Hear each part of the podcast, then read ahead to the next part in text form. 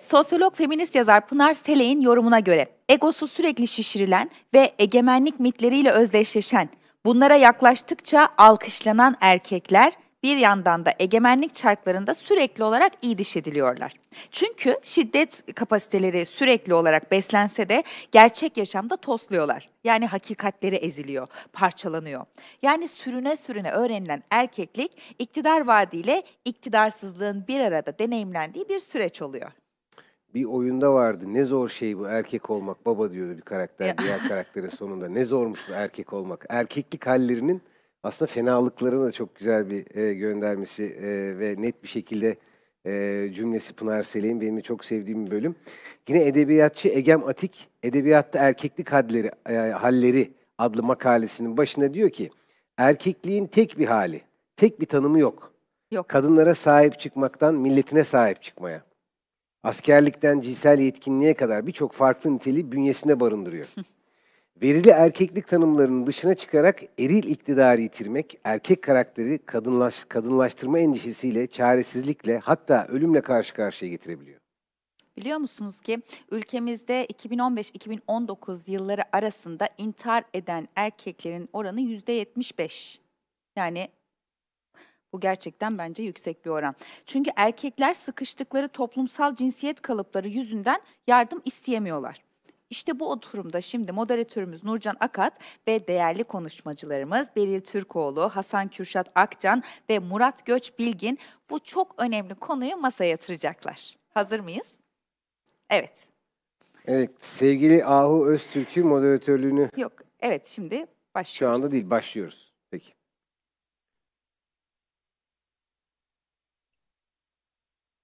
Merhaba. Ee, Yanındayız Derneği'nin Kadın Erkek Eşittir nokta konferansının ilk oturumuna hoş geldiniz. Bu oturumda erkeklik halleri üzerine çalışmalar yapan çok değerli akademisyenlerle birlikteyiz. Sayın Beril Türkoğlu, Sayın Murat Göçbilgin, Sayın Hasan Kürşat Akçan, sizler de hoş geldiniz. Bu oturumda cinsiyet eşitliği konusuna eşitsizliğin mağdurları üzerinden değil, pek sıkça yapılmayan biçimde failleri üzerinden bakacağız. Yani konumuz erkekler, daha doğrusu erkeklik. Cinsiyetler arasındaki eşitsizliğin giderilmesi için sadece bu eşitsizliğe uğrayanların mücadele etmesi yetmiyor. Bunu örnekleriyle gördük. Son 15-20 yıldır özellikle ülkemizde kadın hareketleri çok e, yoğun ve çok cesurca e, bir kadın hareketliliği var. Meydanlara çıkıyorlar, coplanıyorlar ama asla vazgeçmiyorlar, gözaltına alınıyorlar ve önemli kazanımlar elde ettiler. Fakat yine görüyoruz ki bir erkeğin bir akşam söylediği bir sözle İstanbul Sözleşmesi örneğinde olduğu gibi bu kazanımların kaybedilmesi de her an söz konusu maalesef. Dolayısıyla e, kadınlara ve erkeklik kültürünün ötekileştirdiği tüm bireylere yönelik eşitsizlikler ve her türlü ayrımcılığın engellenmesi için erkeklik konusunu eleştirel bir bakışla ele almak gerekiyor. Erkeklerin de e, erkeklik uğruna e, yok saydıkları insanlık değerlerini birazcık görmeleri ve anlamaları gerekiyor. E, bu yüzden toplumsal cinsiyet araştırmalarının artık erkekleri de radarına alması şart. Erkekleri toplumsal cinsiyet araştırmaları içine alan çalışmalar Batı toplumlarında 70'li yılların ortalarından itibaren başladı. Daha sonrasında Birleşmiş Milletler başta olmak üzere pek çok uluslararası kuruluşların bu konuda önerileri ve tavsiyeleri var. Ülkemizde de genel içindeki payı belki şu günlerde çok sınırlı olsa da son zamanlardaki bazı toplumsal cinsiyet araştırmalarının ve bazı sivil toplum kuruluşlarının erkekliği de yeni bir alan olarak tanımladığını görüyoruz. Bu çok iyi bir gelişme. Yine e, toplumsal cinsiyet eşitliğini sindirmiş, içselleştirmiş bazı erkeklerin bu e, inisiyatiflerde ve STK'larda çok aktif görevler aldığını görüyoruz. Bu da çok sevindirici bir gelişme. E, bu şekilde çalışmalar yapan e, derneklerden, STK'lardan birisi Yanındayız Derneği. Erkekler üzerinden erkekleri hedefleyerek çalışmalar yürütüyor. Yine bugünkü oturumumuzda erkeklik hallerini birlikte alacağımız konuklarda eleştirel erkeklik incelemeleri e, inisiyatifinde ve e, Cinsiyet Eşitliği İzleme Derneği'nde aktif görevler almış olan e, değerli akademisyenler. Belli Hanım ben size başlayacağım. E, bir röportajınızda okumuştum. Erkekliğin inşasını anlamak önemli demiştiniz. E, bunu kadına yönelik şiddet bağlamında söylemiştiniz. Ama sanırım cinsiyet eşitsizliğinin söz konusu olduğu her alan için geçerli. Buradan e, şunu sormak istiyorum. Erkekliğin inşası ne demek? E, erkeklik inşa, inşa edilebilir bir şey midir? Çok teşekkürler Nurcan Hanım. Ee, aslında benim e, bu 1970'li yıllardan itibaren başlayan eleştirel erkek çalışmalarına dair söyleyeceklerimi siz söylemiş oldunuz. Çok güzel de bir giriş oldu. Teşekkür ediyorum. Erkekliğin e, nasıl inşa edildiğini anlamak önemli diyoruz. Peki neden önemli? E, asıl soru şu, yani erkeklik de kadınlık da aslına bakarsanız toplumsal cinsiyet dediğimiz şeyin kendisi verili bir özellik e, olmanın çok dışında. Tamamen e, gündelik ve iktidar ilişkileriyle şekillenen, performanslara dayanan bir olgu aslına bakarsanız. Fakat biraz daha sosyal psikolojik perspektiften baktığımızda biz şunu görüyoruz yapılan çalışmalarda. İnsanlara erkekliği kadınlığa kıyasla nasıl görüyorsunuz, nasıl algılıyorsunuz diye soruyorlar. Yani bu tek basit bir soru değil, e, pek çok soru e, ile beraber edinilmiş genel bir görüş. Ve elde edilen bulgu, kültürler arası bulgu şu. Genellikle toplumlardaki e, temsili örneklemlerdeki insanlar erkekliği kadınlığa kıyasla daha çok kazanılabilen, toplumsal olarak takdir edilen ve o takdir üzerinden kıymet atfedilen bir statü olarak görüyorlar. Tam tersi kadınlığı ise kadın olmak yani daha doğrusu bir kadın e, genital organıyla dünyaya gelmiş olmak yeterli e, ve kadın olmak e, çoğu zaman biyolojik ve fiziksel özelliklerle ilgili diye algılıyorlar. Bu öyle olduğu için öyle söylemiyoruz. Tamamen insanlar bunu öyle görüyor. Peki insanların erkekliği kadınlığa kıyasla neden sosyal yani sosyal bir edinim olarak görmesi neden önemli derseniz e, kendi icra ettiğimiz davranışları, beklentilerimizi, farklı erkek gruplarına dair tutumlarımızı ve ilişkilerimizi etkileyen temel bir olgu aslına bakarsanız. Yani bir şeyi nasıl algıladığımız, nasıl gördüğümüz ona karşı üreteceğimiz davranışları ve düşünceleri etkiliyor.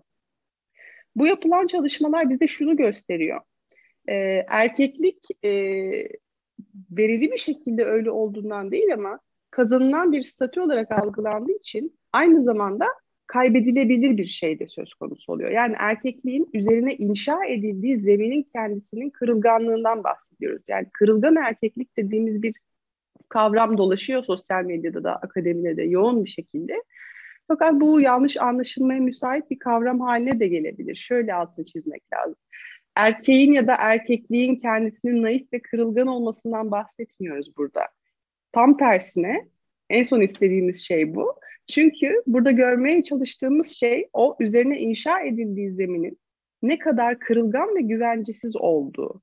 Bu güvencesiz zemine tıpkı bir güvencesiz iş deneyimi, emek gibi düşünün. Ee, ne kadar çalışırsanız çalışın hiçbir zaman tamamen e, yüzde yüz başarılı sayılmayacaksınız. Ya da başarılı sayıldığınız her defasında bir sonraki başarınız bekleniyor olacak. Erkekliğe atfedilen toplumsal statü de böyle bir şey. Sürekli bir iktidarı elde etmek üzere bir performans geliştiriyor erkekler. Ve zaten toplum da onlardan bunu bekliyor. Ve bu performansları normlara uygun şekilde yaptıkları zaman toplum gözünde gerçek erkek, iyi erkek olmuş oluyorlar. Bunu ispat etmiş oluyorlar.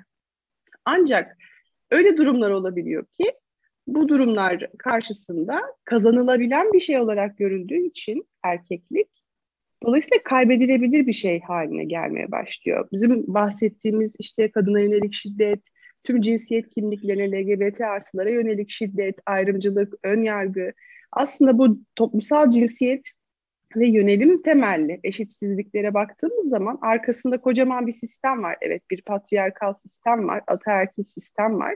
Fakat bu ataerkil sistemin en büyük aktörleri de bu normları takdir alma üzerinden devam ettiren erkekler olmuş oluyor.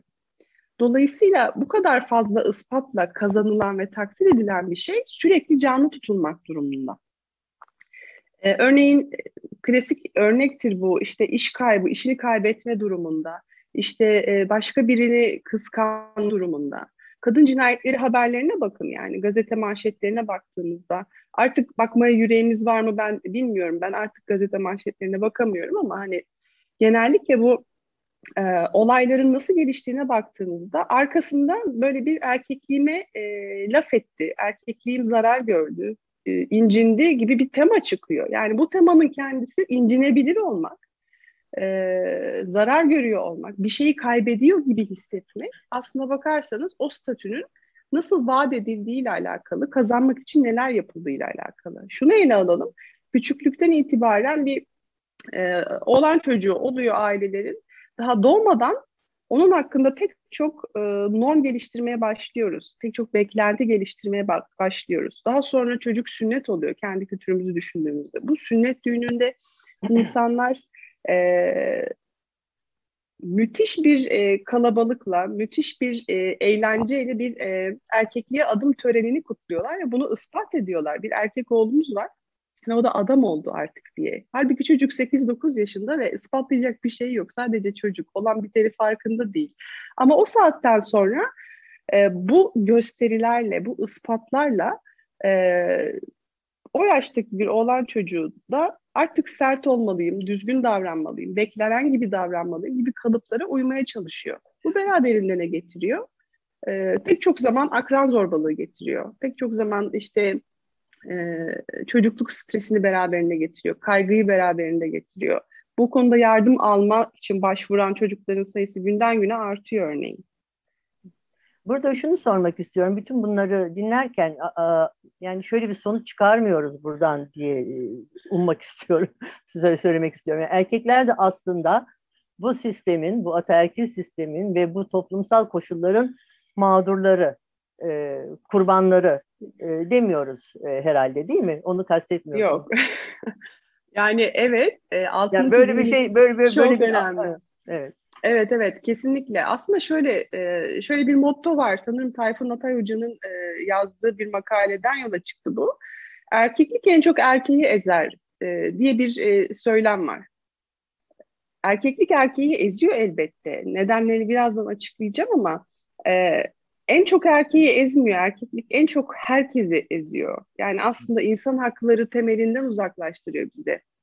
Eşitlik normundan uzaklaştırıyor bizi şiddetsizlik normundan uzaklaştırıyor bizi. Erkeklik e, e, neden öyle Neden en çok erkeği ezer e, gibi algılanıyor derseniz e, giriş konuşmasında da bahsedildi. Yani intihar oranları mesela toplumsal cinsiyet rollerini, erkeklik ideolojisini benimseyen erkekler arasında çok daha yaygın, çok daha fazla. Örneğin yardım talep edememe davranışı çok daha yüksek. Eğer bir erkek e, kendisinden beklenen e, normları, rolleri giymeye hazırsa ve bunu uygulamaya çalışıyorsa diyeyim, hani bunu kabullenmek bu anlama geliyor. Kendi hayatını buna göre şekillendirmeye çalışıyorsa bunu çeşitli şekillerde işte anket çalışmalarıyla vesaire ölçebiliyoruz. Ee, şunu görüyoruz bunların sonunda yani tutarlı bir şekilde bu insanlar daha stresli, daha kaygılı, erkek cinsiyet rolü stresi dediğimiz bir konsept var mesela. Bunu daha çok taşıyorlar ve bu stres ile baş edemedikleri için yine toplumun e, kendisinden beklediği, normatif hale getirdiği mesela şiddet gösterme, sert olma, öfke dışa vurumu gibi davranışlarla bunu kompanse etmeye çalıştığını görüyoruz. Daha fazla fiziksel sağlığı kötüye gidiyor. Psikolojik sağlığı çok daha kötüye gidiyor. Psikolojik e, olarak kendini iyi hissetmediği durumlarda depresyon gibi, kaygı bozukluğu gibi durumlarda örneğin daha az yardım talep eder hale gelirler. Çünkü yardım talep etmeyi normlar öğretmiyor. Çünkü bir erkek küçüklükten itibaren her şeyi tek başına yapabilir diye öğretiliyor. Bu noktada erkeği eziyor evet. Ama bu e, ezilmişlik sonucunda ortaya çıkan toplumsal sonuçlara bakmak lazım. Neden toplumsal cinsiyet eşitsizliğini ortaya çıkarıyor diye. Yani bu ezilmişliğin sonunda yardım talep edemediği tek ulaşılabilir e, duygu, dışa vurumu, öfke oldu. Bunu öğrendiği için e, ve sistem zaten buna çok büyük ölçüde izin verdiği ve bunu desteklediği için e, izin verilen davranış örüntüleriyle kendini gösteriyor ve bu sonuçta işte kadına yönelik şiddet, kadına yönelik e, öfkeli davranışlar sadece kadına LGBT yönelik değil, LGBT artı bireylere karşı e, herhangi bir cinsiyet kimliğine karşı e, olumsuz yıkıcı davranışlarla sonuçlanıyor. Yani burada aslına bakarsanız norm dışına çıkan, kendisini özellikle feminen olma tehdidi üzerinden e, strese sokan diyeyim, e, tehdit eden durumlarda hemen cebine koyduğu ayrıcalık kartını e, kullanmaya başlıyor. Michael Kimmel'in bir sözü var. Diyor ki erkeklik toplumsal sistemin bahşettiği gücü sürekli kullanmak anlamına gelmez. Yani gücü kullanmak değildir aslına bakarsanız ama o gücü kullanma yetkisinin kendisinde olduğunu her zaman bilmektir. Dolayısıyla ihtiyaç olduğunda bu çıkarıyor yani. Ee, buradan da şuraya getirip bağlayayım bir dakikamız Hı hı, kaldıysa. Bir dakikamız kaldı. Ee, yani şunun altını çizmek çok önemli. Ee, genel olarak erkek eleştiri erkeklik çalışmalarının aslında e, anlatmaya çalıştığı nokta. Ee, erkekleri mağdur olarak gör- görmeliyiz ya da kadınları da mağdur olarak görmeliyiz değil. Mağduriyet e, çerçevesinden her türlü çıkarmalıyız ne yaşıyorsak. Fakat bu o, ortaya çıkan toplumsal cinsiyet temelli eşitsizliklerin sistemin birey üzerindeki etkilerinden kaynaklandığını görmemiz gerekiyor. Dolayısıyla erkekleri de cinsiyet eşitliği mücadelesine dahil etmek istiyorsak başkaları üzerinden olan biteni göstererek bunu yapmak biraz zor. Bu, bu işi yapanlar bunu genellikle eğer erkeklere bireysel olarak nasıl etkilendiklerini gösterebilirsek o durumlarda onları içeri alabiliriz. Onları mücadeleye dahil edebiliriz diyor. Yani kendisine dokunduğu noktaları görmeden başkasına dokunduğu noktaları erkekliğin görmeleri çok mümkün olmuyor. Dolayısıyla e, gerek şirketlerde, gerek kurumsal politikalarda, gerek eğitim politikalarında her nerede uygulayacak olursak olalım aslında bir taraftan erkekleri e, erkekler üzerinde bu rollerin normların e, nasıl yankı bulduğunu, nasıl negatif etkileri olduğunu göstermemiz gerekiyor ki e, bir şeyleri farkına varıp Aa, evet öyle ben de bu konuda bir şey yapabilirim çünkü bundan rahatsızım çizgisine gelebilsin Evet. insanlar. Ama sadece bu değil elbette. Bir taraftan bunu yaparken e, eş zamanlı olarak toplumsal olarak e, ortaya çıkardığı sonuçları da göstermek gerekiyor. Çünkü sadece bu tarafta kalırsak o zaman bir mağduriyet çerçevesine sıkışmış oluyoruz. Sadece erkekleri ezer kısmını göstermiş oluyoruz. Bu da e, eleştiri erkeklik çalışmalarının e, yapmak istediği en son şey diyelim. Evet, şimdi e, o zaman e, şunu belki söylemek lazım. Erkeklikle bu eril e, zorbalık arası ilişkisi veya eril e, tahakküm ilişkisi aslında toplumsal olarak e, öğrenilen bir davranış. Yani değiştirilebilir sizin e, konuşmalarınızdan anladığım Evet. kadarıyla. E, ve çeşitli çeşitli erkeklik halleri olabilir. Yani onu da zaten toplumumuzda, etrafımızda görüyoruz. Şimdi aramızda farklı erkeklik türlerini e, bir alan çalışmasında inceleyen bir konuğumuz var. Ben Hasan Bey'e dönmek istiyorum. Çok ilginç bir çalışma yürütüyor gözlemlediğim kadarıyla. E, internetteki araba indirme videoları üzerinden e, erkeklik ve sınıf meselesini ele alan bir çalışma yapıyorsunuz. E, ilk bakışta hani insan "Aa, ne alaka var gibi geliyor ama sanıyorum siz enteresan sonuçlara ulaştınız.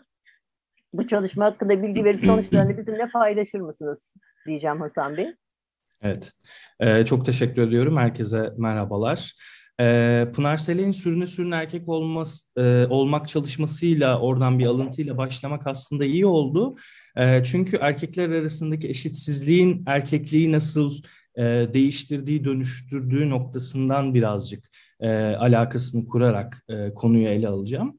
Öncelikle şunu söylemek istiyorum. Yaşadığımız ülkede de dünyada da aslında yoksulluğun cinsiyetinin belli olduğu gibi bilginin de cinsiyeti belli. Bir tanesi kadın, bir tanesi erkek. Hangisi olduğunu sanırım söylememe gerek yok.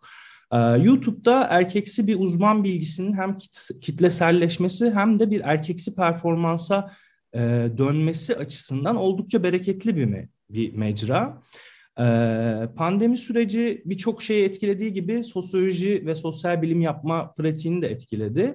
Ee, öncesinde ya pandemi öncesinde işte internet üzerinden yapılan çalışmalar böyle biraz e, saha tembelliği, masa başı gibi görülürken bugün daha e, kabul görebilir bir e, hale geldi E, ve birçok sosyal bilimci pandemi döneminde farklı farklı e, kendi ilgi alanlarına yönelik çalışmalar yürüttüler. Ben de sınıf meselesiyle ilgilenen bir sosyolog ve erkeklikle ilgilenen e, bir sosyolog olarak e, YouTube'daki araba inceleme e, videoları üzerinden bir e, ufak analiz e, ve çalışmaya giriştim ve bir e, içerik analizi e, çalışması, bir niteliksel araştırma e, yapmaya başladım.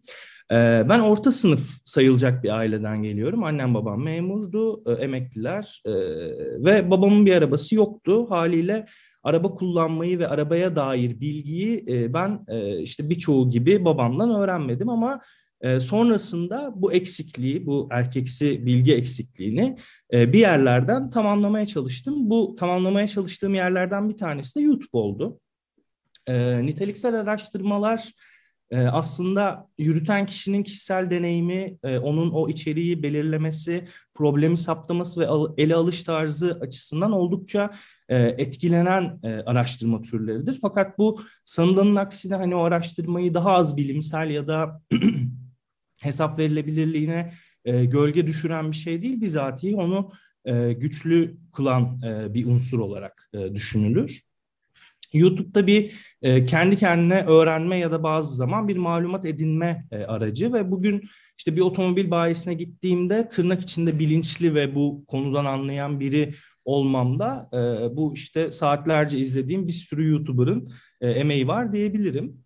E, bu at avrat silah diye bir e, laf vardır. E, bu üçlünün modern atı şu anda araba ve araba aslında bir ihtiyaçtan öte bir e, sevda gibi e, de ele alınıyor ve erkekliği yeniden üreten, pekiştiren, e, biçimlendiren bir makine de olabiliyor. İşte modifiye olanından klasik olanına e, tek tabanca, e, bekar ve e, haş, haşin göstereninden e, minik bir orduyu yanında taşıyan aile babasına kadar bir sürü şekli var. İşte enişte doblusu var mesela, e, ıssız adam arabaları var. E, erkeklik değil de erkeklikler de, yani erkeklik değil de erkeklikler dediğimiz gibi e, arabanın da arabalar e, durumu söz konusu. E, bu çalışmayı yapmamda esinlendiğim bir çalışmadan bahsetmek istiyorum. E, erkekliğin ve tüketim kültürünün bir alt kültürü olarak modifiye tofaşları çalıştı bizim e, Şahin de Yavuz hocamız. O da inisiyatifimizin e, üyelerinden bir tanesi. Onun çalışmasından esinlendim biraz bu çalışmayı kurgularken. O modifiye arabanın aslında maddi imkansızlıkların yanı sıra bir e, Trabzon'da milliyetçi muhafazakar bir erkeklik alt kültürünü de e, yeniden üreten, e, bunu besleyen bir şey olduğunu, bir tüketim kültürü e, oluşturduğunu ve bir erkeklik e, kültürü ortaya koyduğunu e, bahsediyor, anlatıyor çalışmasında. Tabii ki araba segmentleri e, toplumsal tabakalar ve e, erkekliklerle oldukça e, benzer bir segmentasyona sahip. E, ve araba da aslında e, üretim sürecinden tüketim sürecine kadar toplumsal hayata e, ciddi anlamda etki eden bir unsur. Şöyle ki mesela e, Fordizmden post-Fordizme geçiş bir toplumsal dönüşümdür. E, ve aslında bu arabanın üretim bandında bir e, durumdur ama bugün mesela e, arabanın tüketim hatta tüketimden öte son iki yılda yaşadığımız piyasadaki değişimle birlikte e, bir e, finansal unsura dönüşmesi, bir finansallaşma e, unsuruna dönüşmesi de bambaşka bir e, toplumsal gerçekliği aslında e, bizlere hatırlatıyor. Peki en çok hangi tür arabaları inceliyorlar YouTube'da? Ha, şöyle şöyle bahsedeyim. Yani ee, genelde yoğunlaşıyor kitle aslında hani hangi arabaları incelediklerinden çok araba inceleyenlerin e, farklı segmentleri ve farklı tekabüliyetleri üzerinden biraz araştırmayı açarak gideyim Nurcan Hanım sağ olun. Evet, evet. E, hegemonik erkeklik toplumda olduğu gibi YouTube'da da işte e, eğitimli, kentli, evli, çocuklu, heteroseksüel, beyaz bir Türk e, konuşması ve değerlendirmeleri polemikten uzak fakat e, arabaları incelerken nesnelliği işbirliği içinde olduğu markalara göre değişen bir klasik ana akım vlogger var, e, vloggerlar var. E, bu segmentte takip ettiğim mesela 3 tane YouTube kanalı var ve e, bu YouTube kanalları en az 500 bin e, takipçiye sahipler ve milyonlarca e, izlenme alıyorlar ve 5 yıldan uzun süredir YouTube'a içerik üretiyorlar. E, bunlar hegemonik erkekler. E, bu e, araba inceleme e, videolarını çeken e, YouTuber'lar arasında. Bir e, kesim de onların ürettiği içeriği takip ederek e, zaman zaman onlara rakip olduğunu söyleyen ama e, sonradan e, YouTube macerasına atılmış, e, görece daha az eğitimli, e, daha az network'e sahip, küçük şehirlerde taşralı ve daha geleneksel erkekliğin temsiline sahip 70 ile 70 bin ile 350 bin arasında takipçisi olan 3 farklı YouTuber'ı daha takip ediyorum bunlara ek olarak. Ee, ve geleneksel ve daha erkeksi e, şeyleri kullanıyorlar, e, kalıpları kullanıyorlar. Örneğin mesela e, işte herkese selamünaleyküm arkadaşlar benzeri bir cümleyle açıp videoyu Allah'a emanetsiniz gibi cümlelerle bitiriyorlar ve onlar hani e, piyasanın abileri, daha sıradan insanlar, daha halktan kişiler olarak e, YouTube içerisinde varlar. Yorumlara ve işte altına yazılan şeylere bakıldığında da o daha e, işte geleneksel olanla ilişkisinin daha yüksek olduğunu görüyoruz. Diğer segmenttekiler e, çok fazla e, bu noktada değil daha onlar e, işte kazanan e, taraftalar ve erkeklik performansıyla sınıf arasındaki ilişkiyi böyle e, billur biçimde görebildiğim bir segmentasyon aslında bu. E, ilk gruptakiler daha kazanan tarafta oldukları için onların hani e, araba piyasasıyla veya işte erkeklikle olan e, polemikleri çok daha gizil. E, araba alım satım sürecini e, araba alım satım süreci aslında e, hani erkeksi bir performans olarak e, görülebilecek bir şey ve bu noktada mesela onlar e, işte alsatçılığı, e, ölücülüğü, çarçakal olmayı e, hem sınıfsal bir aşağılama hem de e, erkeksi bir yani onların erkeklik noktasından bir dışsallaştırma e, gibi kuruyorlar. E, ve aslında bu işte çarçakalla uğraşmak yerine daha kurumsal yollara başvurarak e, amiyane tabiriyle o topa girmemiş oluyorlar. O topa girmeme aslında o e, kazanan hegemonik erkeğin maddi imkanlarıyla bunu e, o erkeksi performans alanından kaçmasını aslında süremiz doluyor Hasan Bey. Ortaya burada çıkıyor. burada bayağı şey de var sorulması gereken ama onu sormayacağım çünkü zaten Tamam. diyoruz Hasan Hoca şey Murat Hoca'ya da zaman kalsın. Tabii Tamam. bütün bu araba inceleme e, meseleleri dönüp de topluma ne şekilde yansıyor kısmını da ben çok merak ettim. Onu sonra bir ara konuşuruz. Ben Tamam. e, izin verirseniz buradan Murat Hoca'ya dönmek istiyorum. Sayın, Sayın Murat Göç Bilgin'e. E, egemen erkeklik değerlerini benimsemeyen farklı erkeklikler ve farklı erkeklik değerleri var mı? Şimdi Hasan Bey konuşurken birazcık e, öyle bir fikir oluştu bende. Farklı erkeklik yani illaki bütün e, toplumun onlara dayattığı e, kodlarla tam anlamıyla uyuşmayan erkeklik halleri de olabilir gibi bir duyguya kapıldım. E, öyle erkeklikler ve öyle değerler var mı sizce? Evet, merhaba e, herkese e, öncelikle. E, yani sorunun cevabı evet evet. Yani tek bir erkek yok. Zaten Beril ve Hasan da sağ olsun ayrıntılı bir şekilde söylediler. Yani biz erkeklerle ilgili konuşurken erkeklerin monoblok bir yapı, tek bütüncül bir yapı olarak görmüyoruz. Tam tersine bir sürü farklı erkeklik performansları var. E, erkekler aslında e, bebeklikten daha sonra olan çocuk dönemden itibaren başka erkeklere bakarak bu erkeklikleri öğreniyoruz. Ve e, her toplumda belli dönemde belli erkeklik rolleri, belli erkeklik kalıpları daha öne çıkıyor mesela. Şimdi 90'larda televizyon dizilerinde A dizileri vardı. Ee, ondan sonra aile babası tipler vardı. Bizim kendisinde olduğu gibi.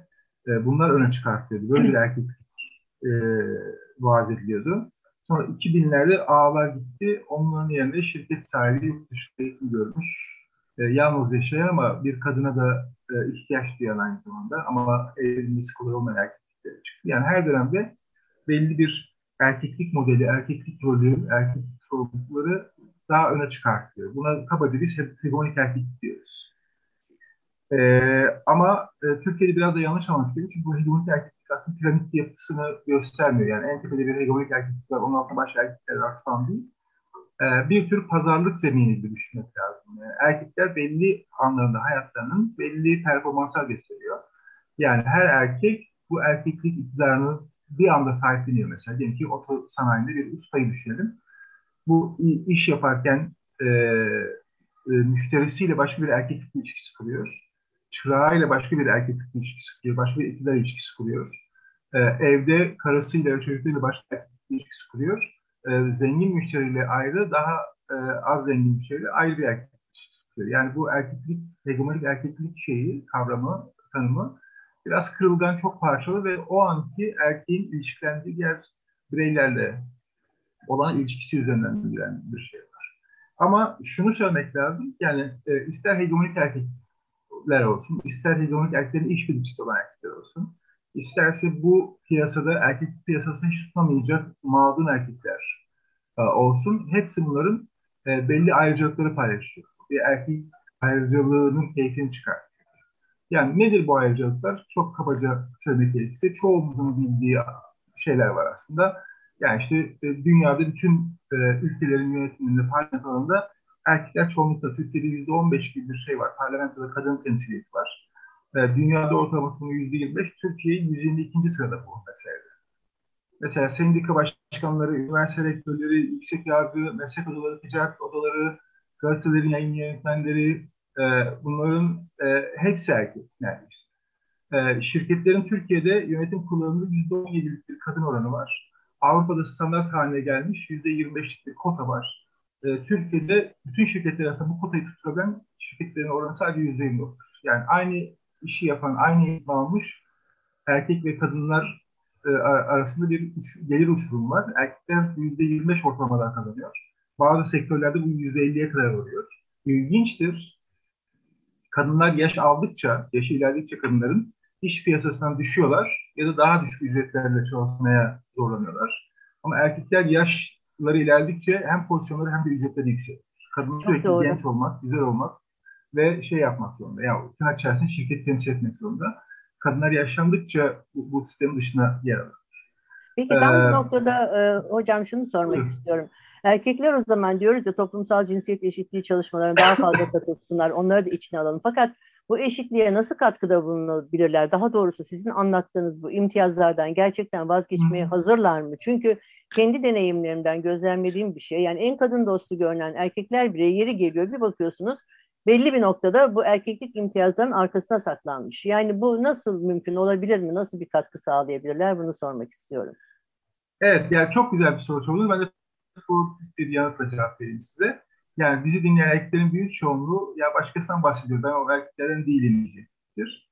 Ben e, yani şunu söylemek isterim. Yanılıyorsunuz. Siz tam da o erkeksiniz. Yani öyle biz hani biz o erkeklerden değiliz. Biz böyle şey yapmıyoruz falan. Yok. Çünkü burada şeytan ayrıntı gizli. Bunlar adını söylediklerim zaten üzerine çalışılan, çok konuşulan mesele. Ama erkeklerin mesela başka ayrıcalıkları var. Görünmez ayrıcalıkları var. Az önce e, Berin Michael Kimmel'a referans verdiler. Aynı şeyi söyleyeyim. Michael Kimmel ve başka bir araştırmacı Jeff Kern farklı zamanlarda, farklı şekillerde şunu söylüyor. Erkekliğin iktidarı görünmezdir. O kadar yaygınlaşmıştır ve o kadar kanıksanmıştır ki e, erkek iktidar sahibi olduğunu bile farkına varmaz. Mesela Hasan da söyledi, erkek bilginin sahibi ve bilginin üreticisidir. Yani bilim insanlarının, tarihteki bilim insanları, bildiğimiz bilim insanlarının büyük çoğunluğu erkek gibi de öyle söylüyor. Benim oğlumun okulunda bir duvar var. Oraya ünlü bilim insanlarının, yazarların, işte e, tarihte önemli yer etmiş kişilerin e, biyografileri ve büyük fotoğrafları asılmıştır. Duvar tamamen buna kaplı ve şaşırtıcı olmayacak şekilde tamamen erkek. Kadın yok mu iş dedim ben bunlar arasında. Müdür, e, müdür hanım şey dedi. E, ya onlar da var ama kütüphane değil. Yukarı kütüphanede tutuyor onları. Şimdi erkekler e, yani sadece bilimsel bilginin değil ahlaki normların ve yasaların da e, kurucusu bu açıdan. Yani neyin doğru, neyin yanlış, neyin ahlaklı, neyin ahlaksız olduğunu belirleyen erkekler. E, dinin temsilcisi erkekler. Öteki dünyaya e, iyi bir şekilde, huzurluca gitmek istiyorsanız erkeklerin e, tornasından geçmeniz onların istediği yaşıyor olmanız Erkekler aynı zamanda sözün sahibi. Yani televizyonda sürekli erkekler konuşuyor, e, işte şirket toplantılarında sürekli erkekler konuşuyor, evde en son sözü hep erkekler söylüyor erkekler başkalarının sözünü dinlemeyi tahammül edemiyor. Sürekli başkasının sözünü kesiyor. Onların sözünü değer, değersizleştiriyor. Yani erkekler kadınların çok konuşulan şikayetçi ama yani bir kahvenin önünden geçip bu bir oturdan kimse duramıyor yani. Sürekli erkekler konuşuyor aslında. Sürekli Hocam hep siz e, konuşun. Ne kadar güzel konuşuyorsunuz bir kadın olarak. Yok estağfurullah. Ama estağfurullah. süremiz ben çok hep... azaldı. Ben yine size bir dakika en fazla verebileceğim. Evet. evet. Tamam pekala. Şu, şunu söyleyeceğim. Yani erkekler taciz edilmeden, öldürülme korkusu olmadan sokakta yürüyebiliyor. Bütün bütün bu ayrıcalıklar erkeklerin aslında onları erkek kılır ve hani ben eşitçiyim, ben aslında kadınlara karşı şeyim, bizim ailemizde böyle bir şey yok, benim annem kadın, e, eşim de var falan diyen erkeklerin hepsi bu ayrıcalıkların hepsine faydalanıyor ve e, bu ayrıcalıkları görmezden geliyorlar. Sanki bu ayrıcalıkların sahip değillermiş gibi davranıyorlar. Yani erkeklerle ilgili konu, konuştuğunuzda erkeklere bu meseleleri anlattığınızda ama ya kadınlar da şöyle yapıyor diye cevap veriyor. Hemen dışsallaştırıyor mesela. Kendisinden başka bir yere gönderiyor. O yüzden e, sizin sorunuza da cevap vermiş olayım. nasıl yapacaklar bu işi? Önce erkekler bu ayrıcalıkların farkına varacaklar. Kendileriyle hesaplaşacaklar. Sorumluluk alacaklar. Ben hiç kimseye tacizde bulunmadım. Kimseyi öldürmedim. Hiçbir kadına saldırmadım.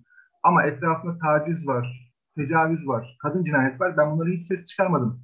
Ben o yüzden bunun işbirlikçisiyim. Bu suçun bir parçasıyım diyecekler erkekler. Bunu demeden işte bazı erkekler böyle yapıyor ama biz öyle değiliz tam demek çok kaçak oynamaktır. Tırnak içerisinde erkekliğin şanına yakışmaz. Peki, Öyle çok, çok bir- bir- teşekkürler. Ee, çok güzel bir rica konu, çok ilginç bir konu. Ee, aslında e, konuklara sormak istediğim daha çok fazla soru var ve konuklarımız da bu konuda zaten çok yetkinler ama maalesef süremiz çok kısıtlı. Keşke daha uzun bir e, panelde bir araya gelebilsek ama buradan şu kadarcık bir şeyle bağlamak istiyorum. İş çok zor, çok kolay değil bu normların değişmesi, kolay olmayacak. Ama en azından erkeklik konusunu eleştirel bir bakışla ele almayan çalışmaların çok eksik kaldığını, kalacağını burada e, altını çizmiş olduk. Dolayısıyla toplumsal cinsiyet e, çalışmalarının işte mutlaka erkeklerin dahil edilmesi gerektiğini vurgulamamız gerekiyor. E, erkeklikle eril şiddet, eril tahakküm arasında e, biyolojik bir ilişki olmadığını, bunun bir toplumsal e, ilişki şekli olduğunu ve değişebilir olduğunu, dönüşebilir olduğunu burada vurgulamış olduğumuzu düşünüyorum. Dolayısıyla hocam sizin gibi ben de erkeklere e, son sözle bitirmek istiyorum. Toplumsal cinsiyet eşitliği alanında lütfen değişime önce olsunlar. Sizin dediğiniz gibi bir adım geriye gidip kendilerine baksınlar. Dünyayı kurtarmak yerine kendilerini kurtarsınlar diyorum. Çok teşekkür ediyorum.